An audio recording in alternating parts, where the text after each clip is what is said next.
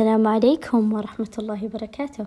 أقوم اليوم بتسجيل أول حلقة من برنامج ضياء بعنوان أغتنم الفرصة. ألم يقولوا أن الحرب جهاد وبعبارة أخرى الحياة حرب. الحياة جهاد بظروفها وتقلبات أحوالها فمن منا لا يجاهد من أجل مستقبل أطفاله ومن يدرس ليحقق حلمه.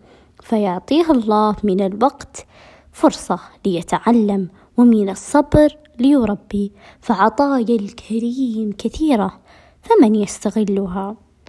فخير محارب من هاجم ولم يقتصر على الدفاع وعمل ولم يقتصر على الحذر ومتى سنحت له فرصة أقدم فأنتهزها ولم يتوانى لحظة حتى لا يضيعها.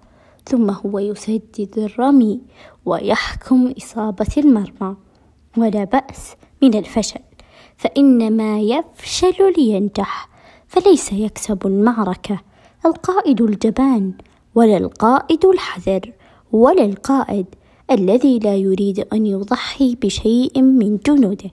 وإنما يكسبها من يفكر حسب طاقته ولا يطيل التفكير أكثر مما يلزم.